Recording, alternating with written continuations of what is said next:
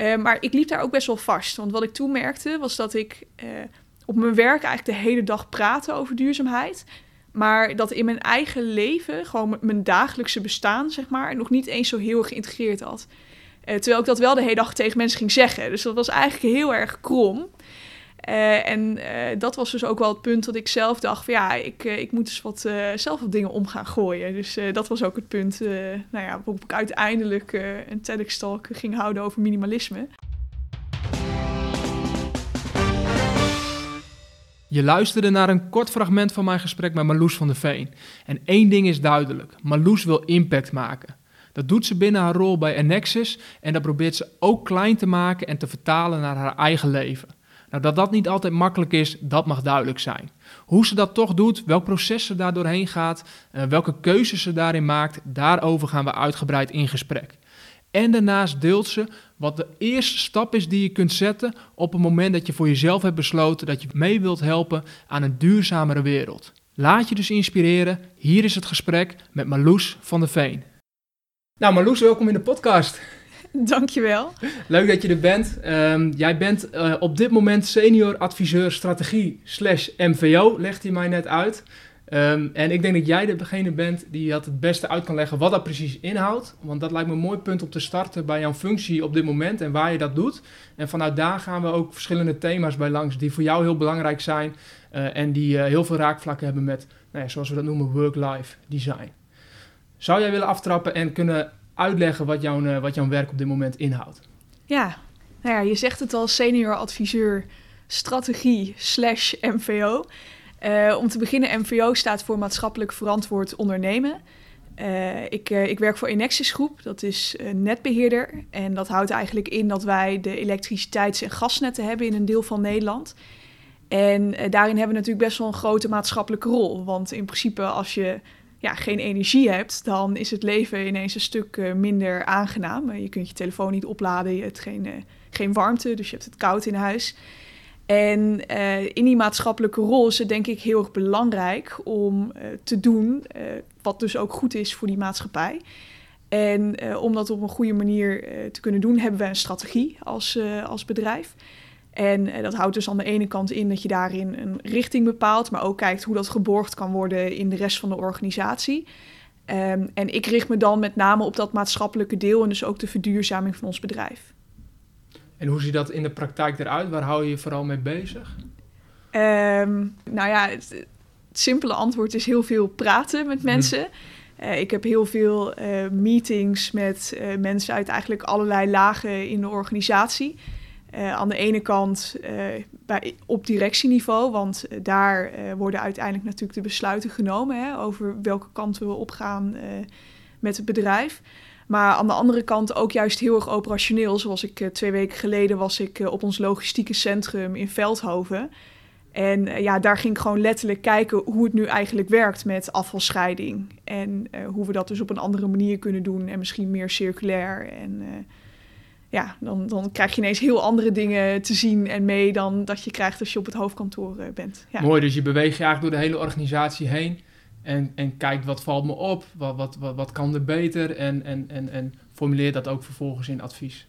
Ja, ja, tenminste, ik hoop dat ik dat doe. Ja, dat uh, staat ongeveer in mijn functieomschrijving. Ja. Mooi, mooi. En um, um, wat betekent werk voor jou? Jeetje, wat een zware vraag. Wat betekent werk voor mij? Ik, ik heb niet één soort van eenduidig antwoord wat, wat werk voor mij is. Alleen ik ben in ieder geval heel erg blij dat ik niet werk omdat ik geld moet verdienen. Hmm. Um, ik, ik denk, hè, er is een soort van basic need die, die iedereen wel heeft. Maar als ik alleen geld wilde verdienen, dan had ik wel wat anders gedaan dan wat ik nu doe. Uh, dus er zit voor mij wel echt een, een soort intrinsieke motivatie ook achter om uh, het verschil te maken. Uh, echt ja, impact te hebben eigenlijk. En uh, met het werk dat ik nu doe, juist op die verduurzaming en die meer maatschappelijke kant, denk ik ook dat ik dat echt kan doen. Dat vind ik heel belangrijk. Ik hoor het in je verhaal ook, als je, als je kijkt wat je doet, uh, de functie die je hebt. Ja, volgens mij kun je dat ook niet anders doen dan dat daar, dan dat daar drijfveren achter zitten en belangrijke waarden achter zitten waar je voor wil gaan staan.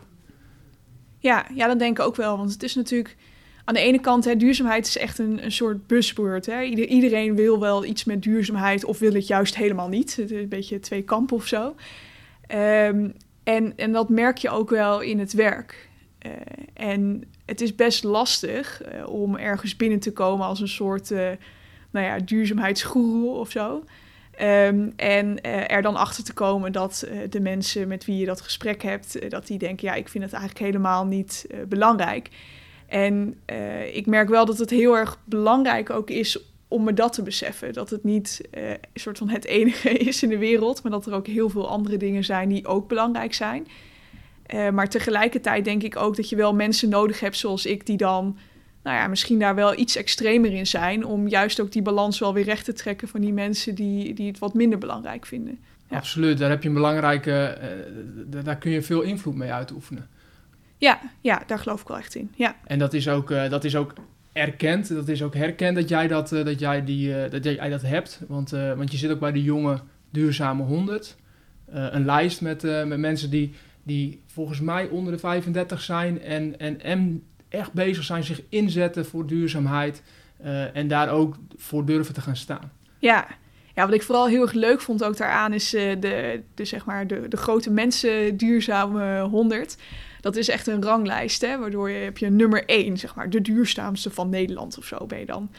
Uh, terwijl de duurzame jonge 100, dat zijn gewoon 100 mensen, daar is geen ranking. En iedereen ja, staat in die zin ook op gelijke voet met elkaar. En dat vind ik dus ook heel erg gaaf, want het is wel echt een, een groep mensen die allemaal op hun eigen manier, we zijn het soms ook oneens met elkaar, maar op hun eigen manier bezig zijn om ja, die verduurzaming wel echt onder de aandacht te brengen.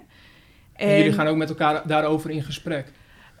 Nou, ik moet wel eerlijk toegeven, niet zo vaak als ik zou willen. Uh, maar er zijn gedurende het jaar gewoon een aantal evenementen. Hè, en uh, dat helpt om elkaar dan te spreken. Want ja, iedereen heeft natuurlijk gewoon een baan of een eigen bedrijf. Of nou ja, is gewoon druk. en ja, dat soort momenten zijn echt nodig om, om dan weer even met elkaar op te laden. Anders komt het er gewoon niet van. Nee, nee, en dan wil je met elkaar kunnen brainstormen, met elkaar kunnen nadenken, dingen kunnen bespreken, elkaar op ideeën brengen. Ja. En dat doe je volgens mij ook op een andere manier, want ik weet ook dat je bij de Clean to Antarctica betrokken bent. En, en dat noemen ze een, een, een zeilende denktank. Ja. Nou, dat spreekt wel tot de verbeelding. Kun je daar wat over vertellen? Wat, wat houdt dat precies in? Ja, ik, ik ben uh, meegeweest met uh, die expeditie inderdaad. Uh, misschien is het even goed om uit te leggen wat Clean Antarctica überhaupt is. En, en, want dan wordt het ook een wat logischer verhaal. Heel goed. want Clean Antarctica komt eigenlijk voort uit een initiatief van Edwin en Liesbeth van der Velde. En ja, zij zijn eigenlijk net als jij en ik. En ze stonden op een gegeven moment thuis en ze constateerden van... ja, shit, we gooien eigenlijk al dat plastic, al het afval gooien we weg... Uh, terwijl het is eigenlijk heel gek, hè? Want in eerste instantie ben je bereid om ervoor te betalen. Je betaalt bijvoorbeeld, weet ik veel, als je een bakje champignons koopt, dan betaal je ook voor het bakje, want je vindt het fijn dat, dat je die champignons ergens in kunt stoppen en dat je niet één voor één ergens naartoe hoeft te verslepen, zeg maar. Uh, maar op het moment dat je het weggooit, wordt het op dat moment ineens volslagen uh, nutteloos. Sterker nog, je wilde gewoon liever vanaf dan dat je het nog hebt. Het is afval geworden, het ja. is, is, je hebt het niet meer nodig. Precies, en dat is natuurlijk eigenlijk heel gek, want het is echt een perceptie. Hè? Dat je dus aan de ene kant... Het is namelijk precies hetzelfde doosje wat in een split second uh, gaat van iets wat een bepaalde waarde heeft naar volledig nutteloos. Hmm. En uh, zij verbaasde zich daarover. Nou ja, lang verhaal kort. Ze hebben uiteindelijk uh, ja, soort van uitgevonden hoe je met dat afvalplastic ook kunt 3D-printen. Uh, met die 3D-printen blokken eigenlijk hebben ze een Solar Voyager gebouwd... waarmee ze afgelopen december naar het geografische zuidpunt van Antarctica uh, zijn gereden. Wow. Ze hebben het volgens mij niet helemaal gehaald, maar zijn wel een heel eind gekomen.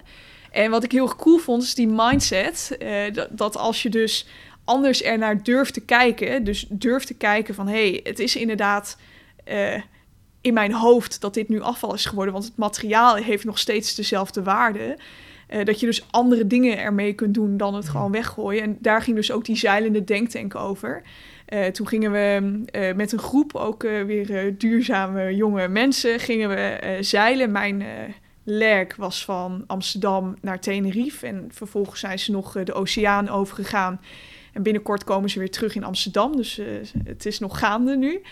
Ehm, en het was eigenlijk het doel om vanuit die andere blik een ander bedrijf verder te helpen om ook een duurzame stap te zetten. Dus wij werkten bijvoorbeeld voor nou ja, een bedrijf uh, best wel een, een soort chemie-reus. en maakte ook heel veel plastics. Dus uh, ik, ik had ook wel, ik dacht, oh, uh, hè, moet je hier dan eigenlijk al meedoen? Want zij zijn ook deel van het probleem. Ja. Maar aan de andere kant, als je deel van het probleem bent, kun je dus ook deel van de oplossing zijn. En dat was Mooi. wat wij heel erg graag wilden laten En ze zien. durfden die uitdaging ook wel aan. Ja, ja, en dat vind ik dus ook wel weer stoer. Dat zo'n bedrijf dan uiteindelijk, je ziet ook, vinden ze spannend, Hm. maar dat ze het wel doen. Ja. Dat is ook wel nodig. ja. En, en, en, daarmee eh, ben je ook continu bezig met innovatie, nieuwe ideeën aan bedenken, kijken hoe het anders kan. Ja, in mijn vorige functie moet ik wel zeggen, toen werkte ik echt voor innovatie. Dus toen was ik meer bezig met de oplossingen zelf. En ik merk nu dat ik vooral bezig ben met die oplossingen verder helpen. Eh, want eh, ik merk ook dat er eigenlijk al best wel veel goede oplossingen zijn. Hè. Het is, als we nu zouden zeggen van eh, kosten wat het kost, we gaan gewoon verduurzamen, dan is technologie niet de, de factor die dat tegenhoudt. Dat, dat zijn mensen, gedragsverandering. Ja, ja, maar ons, het past niet in onze procedures, onze regeltjes. En dat is eigenlijk allemaal heel begrijpelijk van waaruit we komen. Maar dat is geen excuus om niks te veranderen.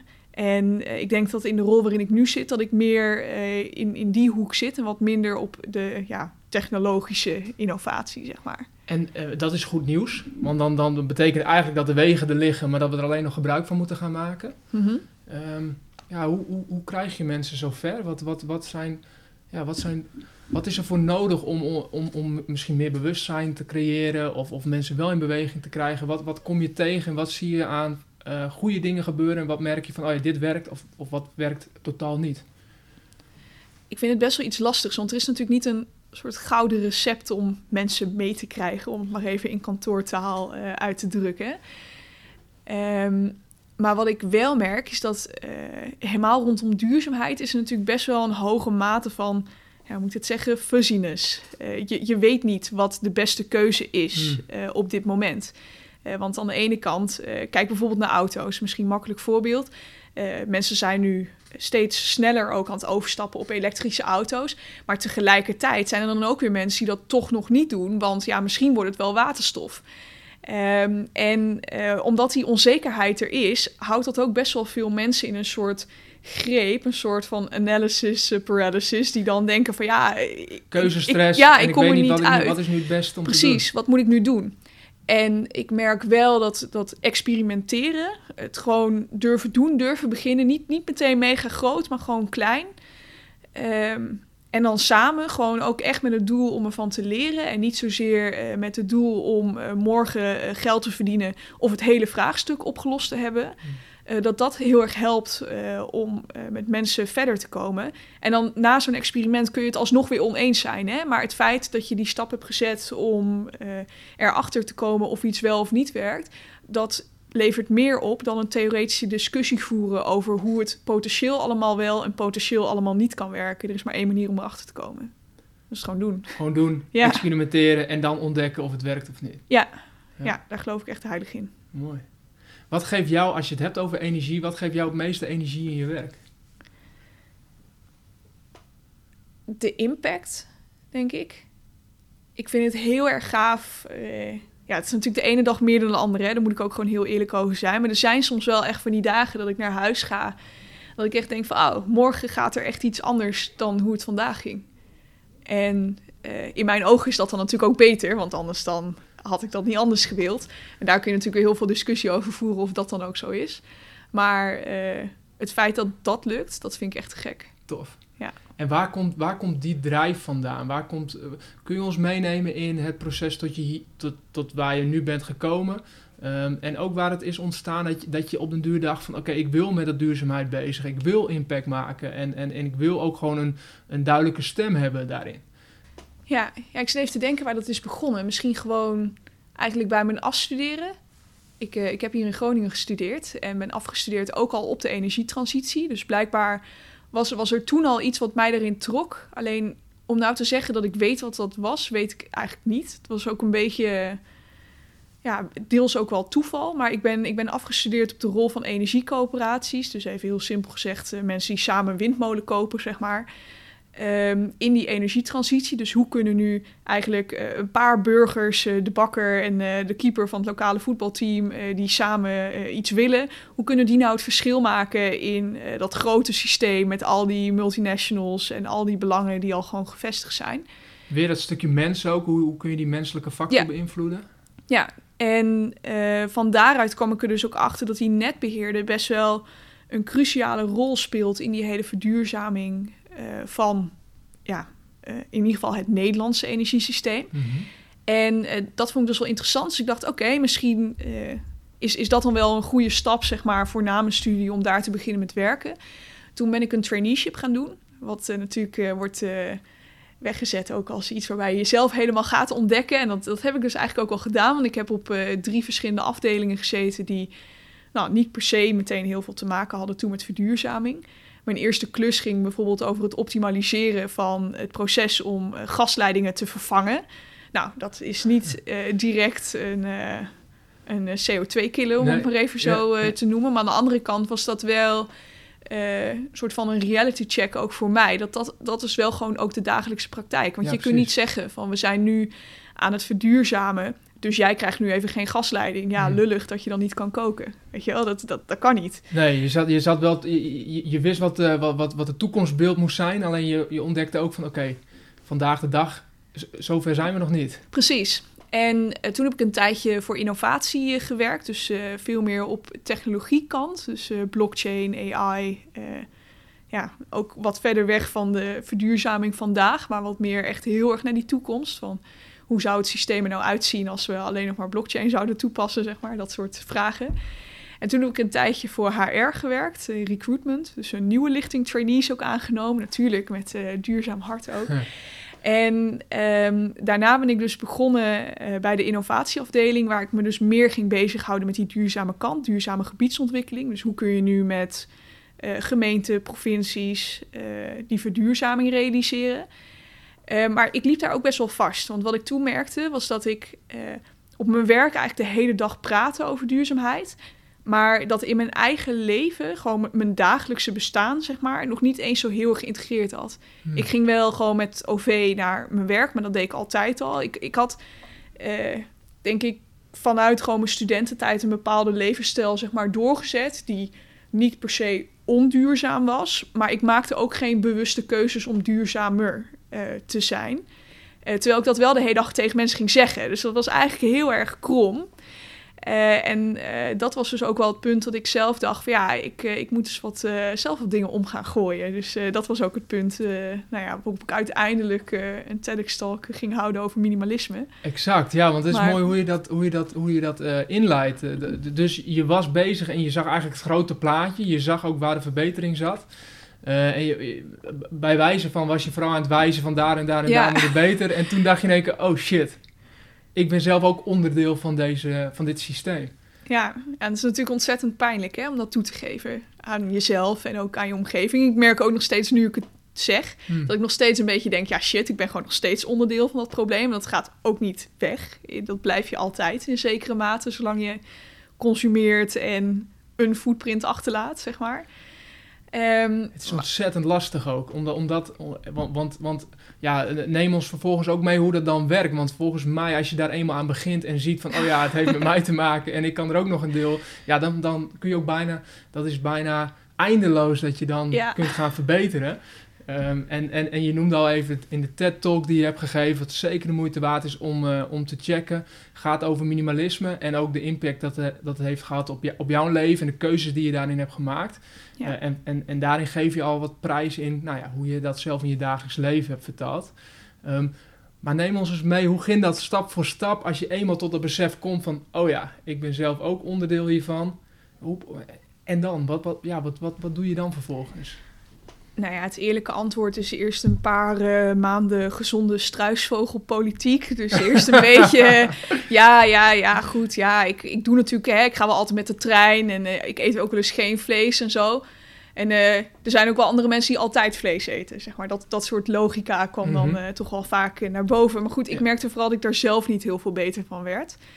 Uh, want uh, juist dat hele, dat, dat wijzen, zeg maar, dat, dat hielp mij niet om uh, uit die soort van squeeze te komen. Van ja, hoe kan het nou dat ik de hele dag tegen mensen zeg dat ze duurzaam moeten worden en zelf niet verduurzaam. Um, en toen las ik een boek, De Verborgen Impact heet die, van Babette Porcelein. En ja, wat zij doet, ze, ze, wat dat betreft, drukt ze ook precies op de knoppen waar ik gevoelig voor ben. Want zij onderbouwt gewoon heel erg goed waar onze impact vandaan komt. Dus ze, ze zegt niet van. Uh, Oké, uh, je hebt een, een föhn en die heeft de energielabel A, dus is een goede föhn, zeg maar. Maar ze kijkt naar het totale productieproces.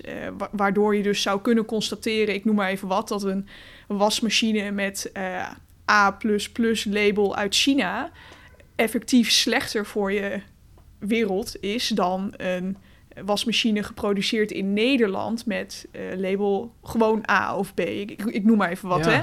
Maar precies dat is het lastige ook. Want, want ja, je krijgt het gevoel dat je best goed bezig bent.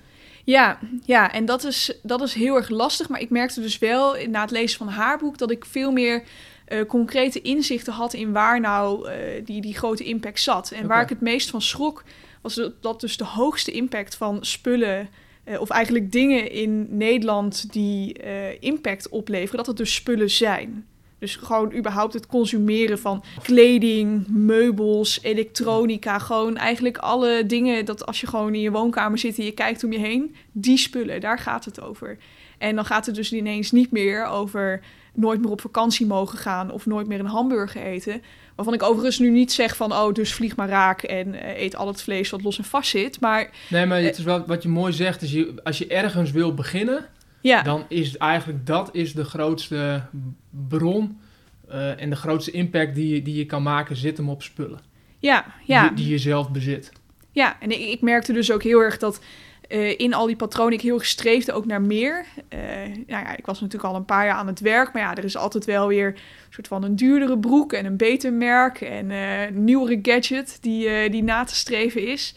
en ja, ik, ik merkte wel dat door dat te doen, ik dus eigenlijk ook een enorme footprint achterliet, waarvan ik me eigenlijk helemaal niet zo bewust was. Want ik dacht dan, ach, ik ga met de trein, dus het is wel prima. Maar voor het feit dat je, als je een nieuwe iPhone koopt, dat je daar vijf jaar of zo van kan trainen, ja, dat, dat, dat, dat nee, was voor precies. mij compleet onduidelijk. Ja, en dat ja. inzicht, dat hielp heel erg om stappen te zetten.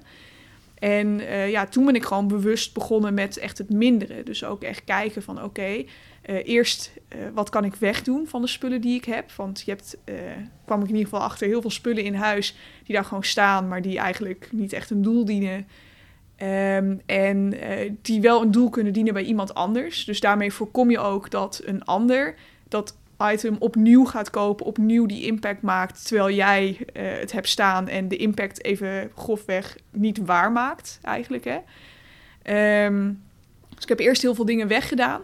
En door dat wegdoen realiseerde ik me ook steeds meer dat. Uh, uh, ja, het, het, ik las laatst in een boek dat ze zeiden van ja, het ontspullen, dat is een beetje een, een medicijn, hè? dat is een paracetamolletje. maar je realiseren dat je tot op zekere hoogte eigenlijk koopziek bent. Ja, dat, dat is waar het begint. Mm. Uh, want dan kun je dus dingen actief aanpakken. Want als je aan de ene kant 100 spullen wegdoet, maar er komen ook weer 100 nieuwe iPhones in, ja, dan, dan wordt je footprint daar niet beter van. Nee. Eigenlijk alleen maar erger. We zijn ook zo geprogrammeerd om weer nieuwe dingen te kopen. Hè. We worden heel veel getriggerd. Dat is ook iets wat je in de TED-talk zegt: van ja, weet je, de reclame, de marketing, alles in ons leven is er eigenlijk op ingericht om jou meer dingen aan te laten schaffen.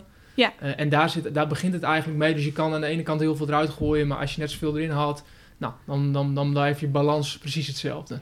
Ja, ja, en dat is wat je dus zegt, hè? Dat, dat in je hersenen, dat is zoiets bizars. Want uh, het, het is dus, je ziet het bij eekhoorntjes, hè? Die, die gaan dan uh, eikeltjes sprokkelen voor de winter. En wij hebben precies diezelfde trigger gewoon in ons brein. En op zich is dat natuurlijk heel logisch, maar we leven nu gewoon in 2019, westerse wereld. Er komt ons niet zo snel iets tekort. Uh, maar toch blijven we dingen hoorden uh, alsof we wel dingen tekort komen. En ja, wat je zegt hè, in mijn TEDx-talk heb ik het daar ook over, maar ik ga het toch ook hier weer noemen. Marketing is echt zo'n enorme bron ook daarvan. Want elk reclamespotje is gewoon een manier om jou te vertellen dat jouw collectie uh, voor 99% compleet is. Dat, je, dat jij ook bijna een goed persoon bent. Hmm. Maar dat je daar nog één dingetje voor nodig hebt. En dat is dan toevallig dat ene product wat zij proberen te verkopen. En ons brein is gewoon geprogrammeerd om daar gewoon lekker op aan te slaan. Dus het is ook helemaal niet een, een verwijt of zo. Uh, dat, dat mensen kopen. Want het is echt ontzettend logisch dat dat gebeurt. Want alle triggers zijn ervoor aanwezig om dat te doen. En het is ook best wel lastig om dat dan te doorbreken en om daar dan afstand van te nemen. En ja, dat merk ik ook nog steeds wel. Ik bedoel, ik ga nu niet hier zitten en doen alsof ik een heilige ben. Ik heb ook als er, uh, weet ik veel, uh, een nieuwe uh, broek of zo komt die ik mooi vind ja, dan vind ik het ook lastig om te laten liggen met de gedachte... ja, ik heb gewoon vijf broeken en een zesde broek... ja, die voegt gewoon eigenlijk niet zoveel toe. Vind ik lastig, ja. En het is zo herkenbaar, 100% guilty ook... Aan, aan veel te veel spullen in huis hebben. Maar ook het merken van mijn boekenkast bijvoorbeeld... is zoiets waar ik nu in één keer heel bewust van ben van... hey, ik heb zoveel boeken die mij eigenlijk heel veel gebracht hebben... die ik een tijdje gelezen heb gebruikt heb... En ja, ik verzamel en verzamel maar meer boeken, maar ik doe daar vervolgens helemaal niks meer mee. Nee. En die pelt gewoon uit die boekenkast. Dus nu heb, ik, nu heb ik voor mezelf besloten om die boeken weg te gaan geven. Oh, wat mooi. Dus dat is voor mij een beginnetje. Maar ik merk ook tegelijk, doordat ik daarmee begin, opent hem ook mijn ogen voor de rest van de kasten en de rest van de spullen. dat ik in één keer denk, oh ja, shit, dit, dit, dit, ik heb nogal wat verzameld in mijn leven. Ja. Hoe was het voor jou? Want toen begon je te ontspullen. Uh, uh, ja, hoe ging dat proces? Uh, wat kwam je tegen? Kwam je veel spullen tegen? En kwam je ook dingen tegen van je denkt, geen idee meer waarom ik dit überhaupt gekocht heb en waarom ik dit in huis heb. Ja, zoveel. maar ook bijvoorbeeld die boekenkast waar jij het net over had, dat vond ik ook echt een struggle. Want ik vond, uh, naast zeg maar dat ik al die boeken gewoon verzameld had, had ik daar ook wel een soort waarde aan verbonden van, oh, ik ben een belezen persoon of zo. Mm. En, en, als mensen dan langskomen, dan, dan is dat leuk, want dan kunnen we het daarover hebben. Want dan vragen ze, hey, je hebt dit boek. En dan kan ik zeggen, ja, inderdaad, heb jij hem ook? En dan konden we daar een gesprek over voeren. Precies, en, ja. en voor mij was dan dat boek of zo, was dan, uh, gaf mij dat goede gesprek en mm. dat goede gevoel. En uh, ik, ik had ergens een soort angst dat als ik dat soort dingen weg ging doen, dat ik dus ook een soort van een stukje van mezelf of zo zou wegdoen. Mm. Namelijk mijn belezenheid of zo. Uh, om het maar even een beetje kneuterig uit te drukken. Maar dat is natuurlijk helemaal niet waar. Want ik ben nog steeds iemand die gewoon van boeken houdt. Ja. Alleen het feit is ook dat je er niet uh, meer of minder om wordt als je dat boek daarna gewoon aan iemand weggeeft. En juist dat weggeven heb ik ook wel ja, ik vind dat ook eigenlijk wel heel leuk om te doen. Ja. Want uh, wat jij zegt, hè, van je leert zelf heel veel van die boeken. Maar het is toch ook fantastisch dat je diezelfde ervaring weer aan iemand cadeau kan doen. Uh, zonder dat, je, dat, dat dat dan weer bij jou in je kast moet blijven liggen. Want wat gebeurt er dan nog mee? Ja, precies. En, en wat ik tegelijk ook um, ontdek is dat er uh, wel een paar boeken zijn die voor mij gewoon echt waarde hebben en waarvan ik uh, of waar ik zoveel aantekeningen in heb gemaakt. ik denk, nou ja, als iemand anders dat leest, dan uh, verstoort het alleen maar. Uh, maar, maar. En dat zegt vaak ook iets over de, de waarde die dat boek dan voor mij heeft. Um, dus er zijn wel een paar die zeggen, nou, die wil ik gewoon graag houden. Dus die zijn voor mij gewoon belangrijk. Dus ja, het, het is ook weer niet gelijk zo dat ik zeg, nou, mijn hele boekenkast weg. Maar het, het even bewust worden en dan kijken en dan zien dat, je, dat, ik, dat ik drie, vier boeken heb waarvan ik denk, oké, dat, nou, die bewaar ik graag. En de rest van mijn boeken, nou, het, minder. Ja. Uh, dat, dat, is, dat, is, dat, ja, dat is interessant om dat proces een keer door te gaan. Ja, heel interessant. En plus, het is, uh, ja, hoe moet ik dat uitdrukken? Het is ook gewoon iets heel bijzonders om uh, dat te doen. Want ik, ik merkte wel dat ik er uh, tot op zekere hoogte, nou ja, angstig klinkt meteen alsof ik uh, huilend in een hoekje zat bij elk boek dat ik wegdeed. Maar ik had wel heel vaak een soort zondegevoel of een soort krijg ik hier geen spijt van-achtige modus. Mm. En dat heb ik nog steeds, want ik ben dus nog steeds aan het ontspullen. Hè? Het is niet dat ik, dat ik nu denk van, oh, het is helemaal goed zoals het nu is. Ik heb nog steeds dat als ik om me heen kijk in mijn huis, dat ik dingen zie waarvan ik denk, ja, ik weet het niet. Voegt het nou echt wat toe? En dan toch denk ik heel vaak, ja, het is echt zonde. En dan blijf ik daar weer een soort van eeuwig op, ja. Ja, op voort. En misschien blijft het ook wel een proces. We zijn zo geprogrammeerd en we blijven getriggerd. Dus het is ook misschien wel iets wat dat, dat het niet het stopt misschien niet, maar het is altijd goed om er gewoon bewust van te blijven. Ja, Ja, en, en ik las laatst eh, een quote in eh, het boek van eh, Dennis Storm van de BNN. Die is ook heel erg bezig met minimalisme Mhm. en minder spullen. Ja. En die quote die zei van... het is niet zonde dat je het wegdoet, het is zonde dat je het hebt gekocht. En dat is natuurlijk een heel andere logica. Maar in feite is dat natuurlijk wel wat er aan de hand is. En op het moment dat je dat echt realiseert... eh, pas dan lukt het ook om in, in die toekomst bewustere aankopen te doen. Kun je meer de wortel van een probleem aanpakken in plaats van eh, de, de symptomen en uiteindelijk dat wat je allemaal al verzameld hebt, Precies, eh, ja. daar wat mee te doen. Ja. Mooi. Dus minimalisme, ontspullen, dat is als je zegt van als het gaat om duurzaamheid, dan, dan kwam je in ieder geval tot inzicht, daar begint het, dat is een grote impact die je kunt maken in je persoonlijke leven. Ja, ja, spullen. Andere impacts zijn natuurlijk wel het vlees eten, het vliegen, eh, ja, een beetje de elektronica, zeg maar, de ja, meer usual suspects die je eigenlijk ook wel op, eh, op het nieuws eh, allemaal voorbij Mm. ziet komen.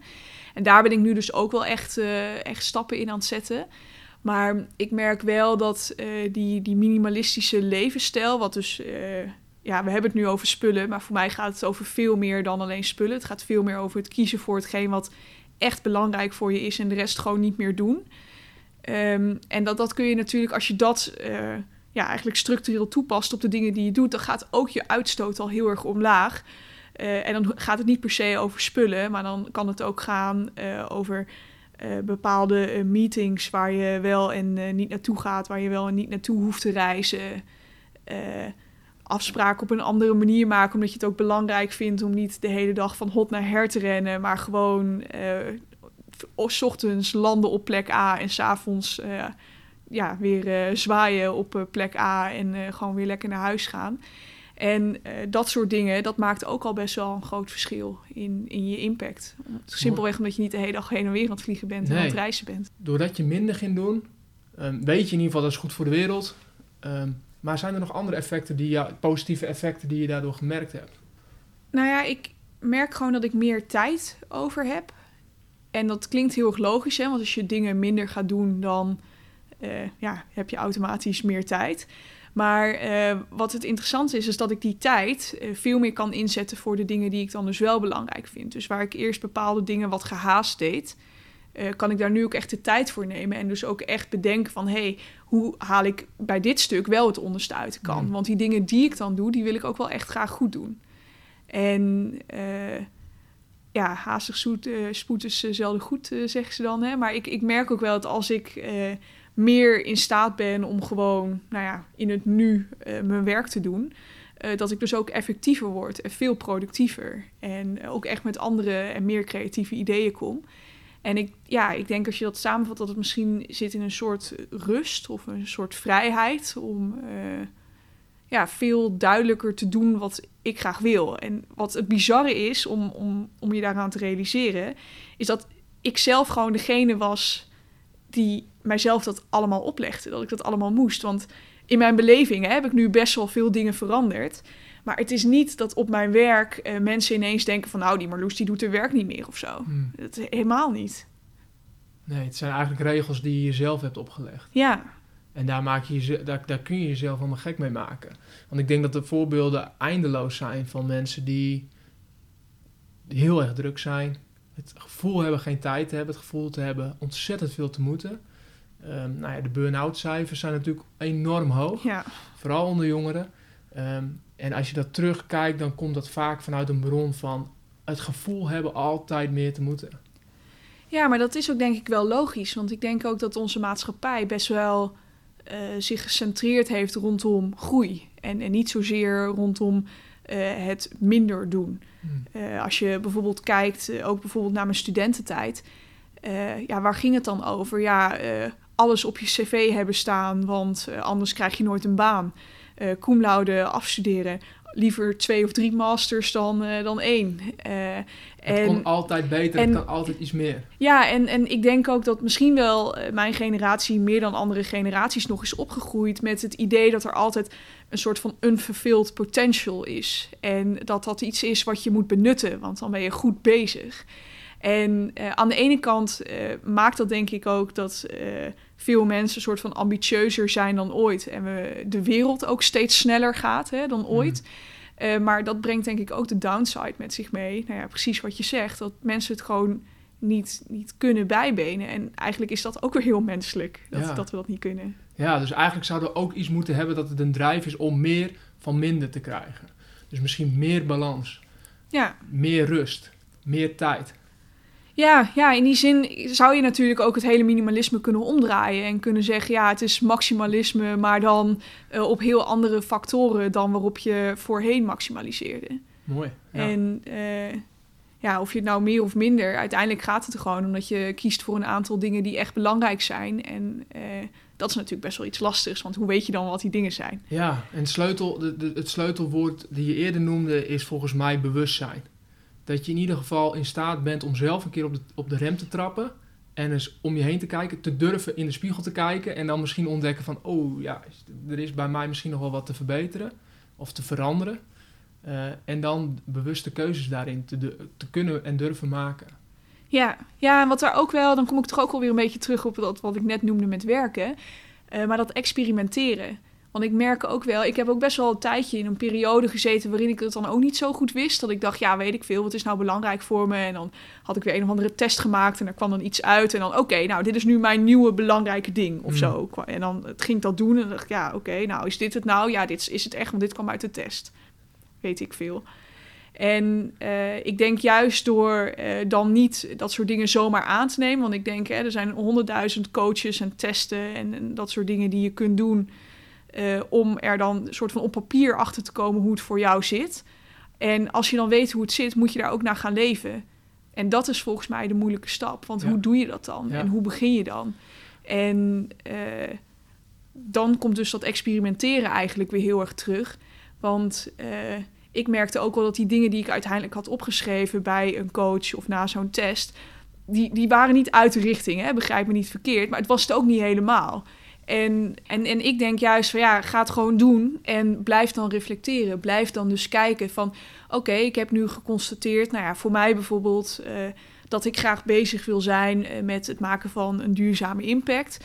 Eh, maar als ik over, weet ik veel, twee jaar in de spiegel kijk en ik denk, eh Marloes, je wordt eigenlijk helemaal niet meer blij van het maken van zo'n duurzame impact. Ja, misschien is het dan toch tijd om daar weer vaarwel tegen te zeggen en iets anders te gaan doen. Ondanks dat ik er nu van overtuigd ben dat dit het is. En eh, dat, dat continu eh, inderdaad blijven reflecteren en durven blijven. kijken. Ja, open blijven staan. Ja, mooi. Ja, Eh, designers die zijn ontzettend goed om niet vooruit te denken, maar vooruit te bouwen. wat is dat? Nou, als je kijkt naar vooruitdenken, is met name het plannen maken en alleen maar bedenken wat je anders zou kunnen doen. Mhm. En designers zijn goed in om te gaan bouwen. Dus die komen in actie, gaan eigenlijk experimenteren, maken ergens een prototype van, beginnen klein. Ah, En ja. vanuit daar gaan ze weer verder. Ehm, eh, dus, dus, dus daarom gun ik veel mensen om meer te denken als een designer en meer vooral te doen als een designer, ook als het op hun werkende leven aankomt. Ehm, juist doordat je in die praktijk en door dat te gaan ervaren, gaat zien, oh ja, dit past bij me of dit past misschien niet bij me. Mooi. Ja, ik denk helemaal dat dat, eh, dat, dat helpt, ja. Hoe ben jij verder gaan bouwen? Want jij je schetst nu nou, jouw, jouw traineeship. Daar eh, kwam je verschillende dingen tegen. Dus was je eigenlijk ook aan het experimenteren. Was je verschillende eh, dingen aan het proeven. Ehm, eh, hoe, verliep het verder voor jou? Waar kwam je achter in, de, in die periode? Ehm, nou ja, in het, in het traineeship zelf had ik dus al wel bedacht dat ik dus wel iets wilde doen met die duurzame impact. Toen daarna kwam dus dat punt dat ik dat deed, maar dat ik constateerde van, oh, ik doe dat dus op persoonlijk level eigenlijk helemaal niet. En eh, daarna volgde eigenlijk een periode waarin ik op eh, persoonlijk vlak veel meer heb geëxperimenteerd. Eh, met dus ook duurzaamheid, minimalisme. Toen heb ik, eh, weet ik, ook nog een, een maand bijvoorbeeld eh, niet gemaild op mijn werk. Dat was ook wel dat is een beetje een spraakmakend experiment. Maar dat, dat, dat was ook wel even een ding. Want ik dacht, ja, weet je, ik, ik zit soms drie uur per dag of zo te mailen. Maar ja, is dit nou uiteindelijk wat ik echt belangrijk vind? Dat ik mails stuur naar mensen? Nee, ik vind het belangrijk dat ik antwoord geef op hun vragen. Dat ik ze verder help. Dat ik hè, in zijn, met ze in verbinding sta. En is mail dan eigenlijk wel het middel om dat voor elkaar te krijgen? Hmm. Nou ja, soms wel, soms niet. Dus uiteindelijk de conclusie. Maar eh, is mooi, maar dan, dan heb je wel een experiment die je ook echt even pakt. ja, En dan is het ook echt even naar nul, zodat je heel goed kunt ervaren wat het verschil is. Ja, maar dat, dat probeer ik dus altijd wel echt te doen. Echt, het is misschien een beetje zwart-wit. Maar ik merk dat dat me meer oplevert. Want als ik een beetje, ehm, hoe moet ik dat zeggen? Als ik een beetje halve voornemens heb eigenlijk. Dat ik dan zeg, ja, ik wil bijvoorbeeld wat gestructureerder zijn. Hmm. Ik noem maar even wat, want ik denk dat dat me iets op gaat leveren. Ja, dan ga ik een beetje, als ik tijd over heb of zin heb of zo, dan ga ik daar wat aan doen. Terwijl als ik mezelf gewoon zo'n maand eh, iets opleg, als een soort challenge of zo, eh, meestal doop ik het dan maar eh, zoiets. Ja, dan, dan maak ik ook echt een soort van afspraak met mezelf van oké, ik ga nu bijvoorbeeld deze maand elke ochtend een, een planning maken wat ik deze dag gedaan wil hebben. Of ik wil, nou ja, inmiddels is dat veranderd in ik wil elke ochtend eh, drie punten benoemen die ik aan het eind van de dag gedaan heb. En alles wat er dan omheen komt, dat is leuk en ook belangrijk. Maar deze drie dingen zijn hoe dan ook af. En dan kun je dus ook, tenminste ik, met voldoening op mijn dag terugkijken. Want die drie dingen heb ik gewoon gedaan. En dan kan ik dan trots op zijn. Terwijl eh, hiervoor werd ik dan een beetje een soort van geleefd door het moment. Dan had ik misschien ook die drie, dingen uiteindelijk wel gedaan. Maar dan dacht ik de hele dag, ah shit, ik heb alleen maar achter de feiten aangelopen. En eh, dat, dat soort kleine, ja, het zijn misschien wel een beetje hacks eigenlijk, maar dat soort kleine dingen, ja, dat, ik merk dat dat heel veel verschil maakt in mijn soort van dagelijkse instelling, hoe ik in mijn werk sta en ook gewoon wel in het leven, ja. Mooi. Zijn er nog meer hacks die je tegen bent gekomen wat jou heel erg helpt? Ehm, ja, ik, die, die structuur dus wel. Eh, ook wel een leuke is eh, meetings met een agenda. Het is, eh, klinkt heel erg logisch, maar eh, het gebeurt toch ook best nog wel vaak dat ik dan eh, ergens kom en eigenlijk geen idee heb wat de bedoeling is, maar vanuit een soort goodwill dan denk, ach, ik ga er wel heen en dan hoor ik het wel. Hmm. Ehm, en ik merk dat ook omdat ik meer waarde ben gaan hechten aan mijn eigen tijd, dus belangrijker vind dat ik die effectief inzet. En dat kan ik eigenlijk alleen maar doen als ik me goed heb voorbereid, bijvoorbeeld. Maar dat kan niet als er geen agenda is. Dus dat zijn nu ook wel van die dingen. Dat, ja, het is een minuut werk. Vragen is er een agenda. Maar eh, het levert je vervolgens weer eh, aan de achterkant, eh, weet ik hoeveel minuten op, omdat je in één keer bijvoorbeeld iets kunt afstemmen in een meeting in plaats van in drie meetings die geen agenda hebben. Nee. Nee, en het mooie is, het kost vaak wel even energie en actie. Want je moet daar zelf even achteraan. Ja, En, ehm, maar het levert je onderaan de streep in dit geval ook meer op. Ja, maar er zit natuurlijk ook wel iets, ehm, ja, hoe moet ik dat zeggen, iets negatiefs of zo achter. Tenminste, dat heb ik dan zelf, want eh, ik, ik voel me toch altijd wel een beetje een zeikert dan. Als ik dan denk van, oh ja, ik, eh, oh, ik wil toch even een agenda. En dan alsof ik iemand anders weer aan het werk wil zetten of zo. Ehm, en eh, die drempel ging ik heel vaak niet over. Hmm. Omdat ik dan heel vaak dacht, ah nee, ik ben een ander tot last. En ach, ik, ik stel me ook een beetje aan. Hè. Het is ook niet zo belangrijk. Maar op het moment dat, ja, eigenlijk sinds de tijd dat ik gewoon denk, ja, mijn tijd eh, doet er ook gewoon toe. Eh, net zoveel als die van de ander. Eh, en de gezamenlijke optelsom is dat we er als geheel beter uitkomen als er bijvoorbeeld een agenda is. Nu melk ik dit voorbeeld wel heel erg uit, maar goed. Ehm, Het de- idee is heel helder. Ja, Ja, Ju- dat- juist dat- Doordat, je, doordat je dat in beweging durft te zetten, levert dat voor eigenlijk alle partijen iets positiefs op. Maar vooral in de eerste plaats ook voor jezelf. Ja, ja, en ik kijk, en ik, ik denk ook, je moet daar flexibel in zijn. Hè? Want als er dan vervolgens eh, mensen zijn die zeggen: Ja, maar Loes, weet je, met je agenda, ik krijg er wat van. Ja, ik denk ook dat je dan eh, niet eh, moet doen alsof dat soort van eh, de enige oplossing is. Ja. Maar dan is de vraag weer: Oké, hoe kun je het dan wel inrichten Ja. op een manier dat, dat iedereen er blij van wordt? Maar het feit dat je die vraag eh, überhaupt een keer durft te stellen, in plaats van elke keer aanneemt dat het is zoals het gaat en dat je daar maar naar te schikken hebt, ja, dat is volgens mij heel cruciaal. Hmm. Mooi. En dat is eigenlijk ook wat je continu in je werk doet, volgens mij. Dat denk ik ook, ja. Ja. ja, mooi. mooi. Welke ambities heb je nog? Wat zie je voor je? Wat zou je, wat zou je nog graag willen doen? En dat vind ik heel lastig. Die vraag kreeg ik laatst ook. Maar ik ben eigenlijk heel erg blij met de dingen die ik nu doe. En ik heb hier ook nog wel veel in te leren. Dus dat vind ik ook wel leuk. Ehm, maar ik denk dat mijn ambitie is dat ik wel wat meer ehm, ja, de, de hoort op wil, voor het podium op wil. Ook eigenlijk een beetje wat wij eh, vandaag doen, dat ik mijn verhaal ook eh, mag vertellen aan anderen. Eh, want ik merk wel dat ik soms zelf, ook die TEDx-talk was voor mij best wel een grote stap. Want ik, ik dacht zelf, ja, vertel ik nu wel echt iets nieuws? En ja, iedereen weet toch eigenlijk wel dat, hè, dat wat je aandacht geeft, dat groeit.